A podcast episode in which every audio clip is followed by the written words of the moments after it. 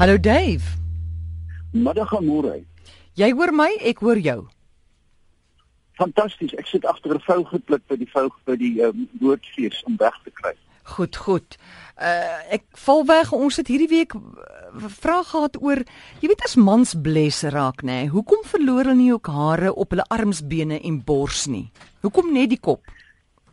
Ja, weet jy amore, ja, dit, kyk as jy lekker in die Kaap praat ons mos van kophare. Ja. Nou 50% van alle mans teen die jaar 50 het al reeds haarverlies. So, dit is baie meer algemeen as wat mense dink.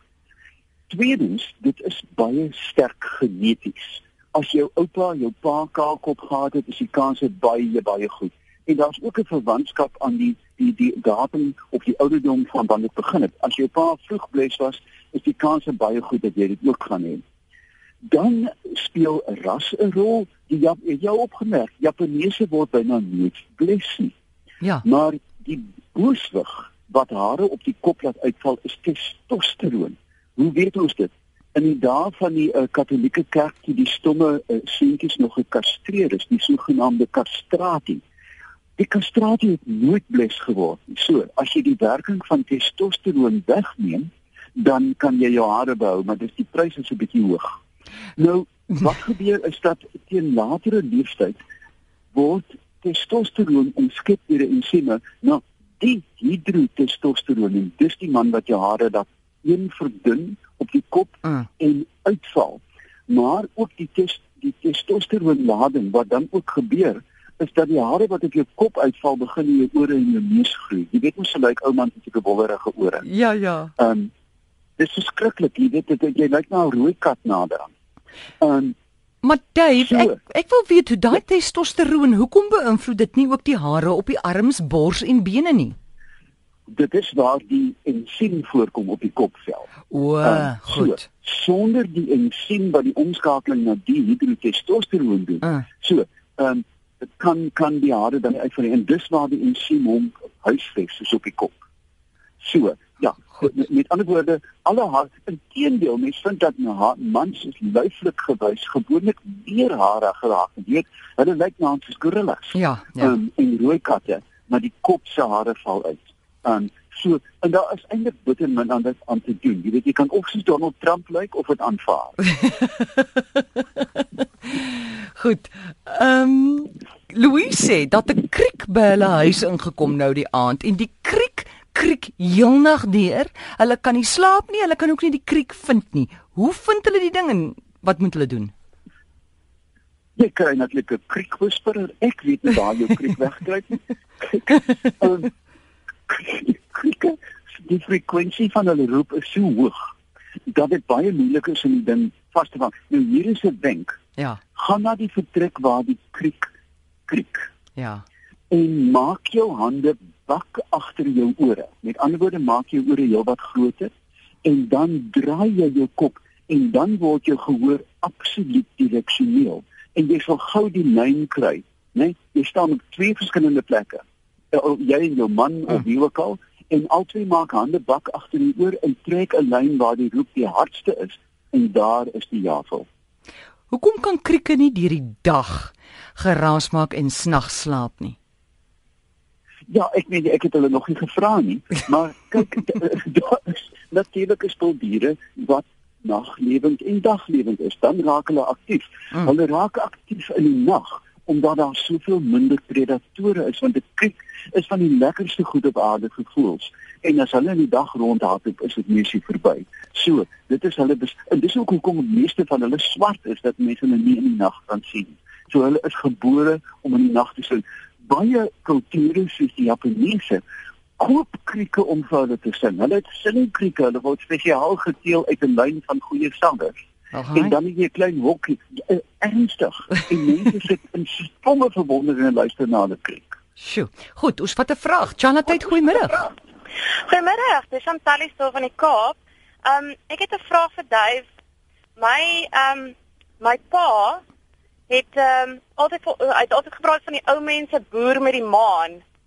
Hallo? Ja, ons luister. Ja, nee, ek Um, ja, luister. hy het altyd gepraat van die ou mense boer met die, met die maan en my pa het self so sy 'n plantasie wat hy gehad het in Rivier Kasteel so geplant as die maan vol is, dan ek dink is wortels geplant en dan as die maan donker was dan het hy heeltemal iets anders te geplant, maar weet jy ek wens ek was 'n meer gehoorsame kind dat ek meer geluister het en en ge, dit ingeneem het want vir die lewe kan ek nie onthou nie en ek wil nou my plante plant volgens die maan. Kan jy vir ons 'n bietjie inligting gee daaroor? Ja, duidelik. Weet jy, eh, kom ek maak eers goue pleidooi. Almal wat 'n ouma en 'n oupa het en 'n ma het, vra vir hulle om hulle stories neer te skryf aan môre. Dit is kosbare volksbesit. Ek het gelukkig my ma 'n dagboek gegee en sy het meeste van haar stories neergeskryf, maar ek sou moer om te hoor of te onthou wat oupa Boy gesê het. Nou ja, hulle het almal met die maan geplant. Met ander woorde, die maan het geskik, nee, as hy so 'n kwart maan is of hy het gegooi na die volmaan, het of met donker maan of met volmaan geplant. Of geoes ook. Nou, ek dink daar is redelik min wetenskaplik bewese ehm um, feite wat sê dit werk. Maar 'n mens moet tog onthou, jy moet onthou dat die maan het 'n kragtige uitwerking op die aarde.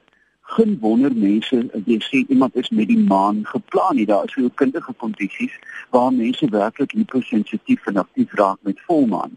Nou, ek glo in my hart daar is baie klein uitwerkings uiteraard is 'n magtige krag wat die oseane hoog en laag water maak, maar ek dink nie daar is wetenskaplik bewyse dat daar wel voordele aan is nie. Maar hier kom die dubbelpunt. Doen dit want dit maak mense se lewe soveel ryker. Ek ek sê voorstel, plant volgens oupa se kalender en jou tuin gaan jou soveel meer vreugde gee.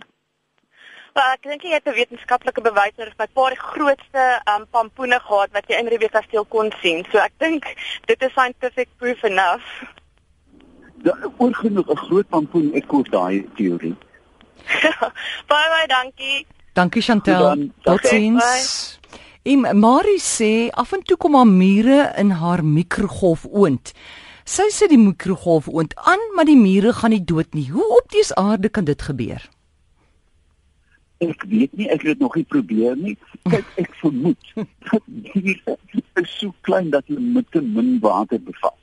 En ek kan jou wel sê, ek het 'n vriend gehad, jy weet hierdie groot swart en geel kebers wat jou rose so opeet. Mm. Hy het die in die mikrogolf uh, ingesmy en hulle het so springies, jy het net 'n popgeluide gehoor. Um en hulle was binne binne 'n deel van 'n sekonde dood. Ek dink dit is die verhouding van water in daai klein luitjie wat te min is. Ek weet nie, ek is nie fisikus nie, maar die golflengtes agiteer, uh, hulle is te klein om geagiteer te word. Goed, ons neem nog 'n oproep. Charlotte, goeiemôre. Ooh, gits. Charlotte, hallo. Jammer, goeiemôre. Is Charlotte? Goeiemiddag Charlotte. Uh Marius wat praat hier van Somerset Wes. In verband met daai krieke. Daar's 'n baie maklike manier om dit te kry. 'n Mens vat van hierdie handdoekrolle wat jy kry uh en dan vat jy daai binneste gedeelte. Mm. En jy uh, pyl dit op die uh jy kan maklik identifiseer waar die kriek dan is. Goed, jy gebruik dit as 'n as 'n gehoorbuis. Ekskuus tog? Gebruik jy dit as 'n gehoorbuis? Ja, jy jy, Ja. ja. jy jy sit hom teen jou oor en dan gebruik jy dit so Ah. uh, as 'n uh, Ja. Wat die woord wat ek soek. Ja. Maar ek dink wat uh, dit die mense identifiseer. Maar Ons het jou dankie Marius, dis 'n oulike wenk daai. Ja, Charlotte, oulike oulike plan wat hallo die uh, die- Goed, ons wil net nog 'n oproep hier kry. Wag vir die lyne om reg te kom. Iemand sê hulle woon hier aan die suidkus van Natal. Hulle wil weet hoe verwilder hulle slange wat gedurig naby die huis is en soms ingaan. Daar is byna geen manier om 'n slang te verwilder nie. Um ek, ek koop vir jou 'n worshond. Um jy gaan saam oulike slangvangers daai hondjies hoor, hulle kyk niks mis nie. Is dit? Daar is slange, ja, o, 'n worshondjie. Liewe hemel, jy weet hy gehaal 'n slang uit 'n verskriklike bos uit. Amore van wat ek weet, daar is mense wat sê plant sekere kruie om jou tuin, maar daar is nie fisiese manier met 'n lig of 'n handeklap of 'n kanonskoot of 'n geweerskoot wat 'n slang gaan afskrik nie. Slange is by huise omdat daar voedsel is. Daar is paddas, daar is 'n kraan wat lek, daar's 'n toilet of daar is 'n vuilgoedblik waar rotte en muise so Mm. sindelikheid en om jou huis silwer skoon buite om te hou is veel meer belangrik as om die slang te probeer afskrik. Goed, iemand het al eendag gesê 'n uh, malva plant kan slange weghou.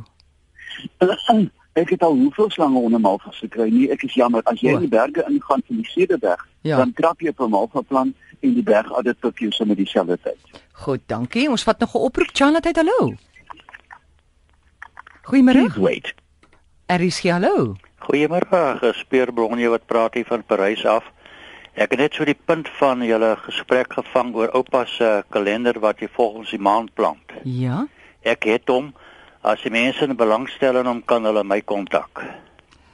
O, Kan ek mag mag ek my nommer gee of my kan ek my e-posadres aan jou stuur uh ge- Peer gee vir my jou e-posadres. Dis nie dit dit dit, dit maak 'n byenes altyd oop vir die volgende 80 8 jaar sal Ja. ek heeltyd jou nommer moet gee en dan gaan jy mense jy ken my kry. e-posadres, jy ken mos vir my van Parys af. Goed, gee gou vir my jou gee vir ons jou e-pos. B O U Mm. L O P Mm. @telkomsa.net. Goed, ehm um, goed, As dankie. jy ou vir my daai e-pos kan ek vir hulle voor die staat stuur van uh, in scan en Okay. vir hulle stuur. Ag ek is seker mense kan dit Google ook. Ek het ongelukkig nie nou jou e-pos nie want ek het, kan nie nou hier neerskryf nie, maar ja, nee, okay. mense moet maar net Ek het 'n môre. Ja, Ja. jy kry jy kry hom op die uh, internet. Wag, Dave kan hom op sy Facebook sit, né, Dave? Dis ja, uh, ja, Dis uh, ek ek ek ek, ek het Dave se uh, e-posadres ek sal vir hom stuur. Fantasties, Dave. Is dit reg met jou? OK, jy sit dit op jou Facebook. Ja, asseblief. Ek sien dit graag. Goed, net 'n laaste vraag Lisa van George sê, hoe maak sy die maaiers dood wat in haar buiteasblik in die vullis uitbroei? Sy sê doemwerkie eersie. Ja, ek, ek kyk as daar maaiers is, is daar kos. Ek dink 'n mens moet net eenvoudig kos nie te lank daar laat lê nie. Hmm. Ehm um, jy kan hulle jy kan hulle fisies platdruk, maar dit beteken dat vliee op blommers het eiers daar gelê. So, as jy die omgewing om die asblik beheer met met vliee stroke of met 'n ultraviolet lig, dan gaan die vliee nie kan eiers lê nie. So beheer liewers die vliegers die maaier. Goed, laaste vraag jammer hier van Nanda. Sy sê sy het nou water gestoor met die reën, dit in plastiek houers gesit naby haar kamervenster. Nou dit muskiete gelok. Toe gooi sy 'n bietjie olie bo-oor met die hoop dat die muskiete sal versmoor, maar hulle is nog steeds daar. Help asseblief. O nee, kyk as die olie hulle nie doodmaak nie, ek dink jy moet dalk 'n bietjie meer olie gooi. Um want 'n fyn olielaagie sal hulle beslis beperk, hulle kan nie asemhaal nie, maar 'n mens moet tog met die water net nie met gifstowwe begin werk nie, want dan sny jy regtig 'n lat vir jou gat. So 'n bietjie meer olie op die water. 'n Bietjie meer olie. Goed. Baie dankie Dave. Groot plesier, lekker aand. Dankie en dis Dave Peppler. Dit is die Facebook blad van hom gaan besoek het.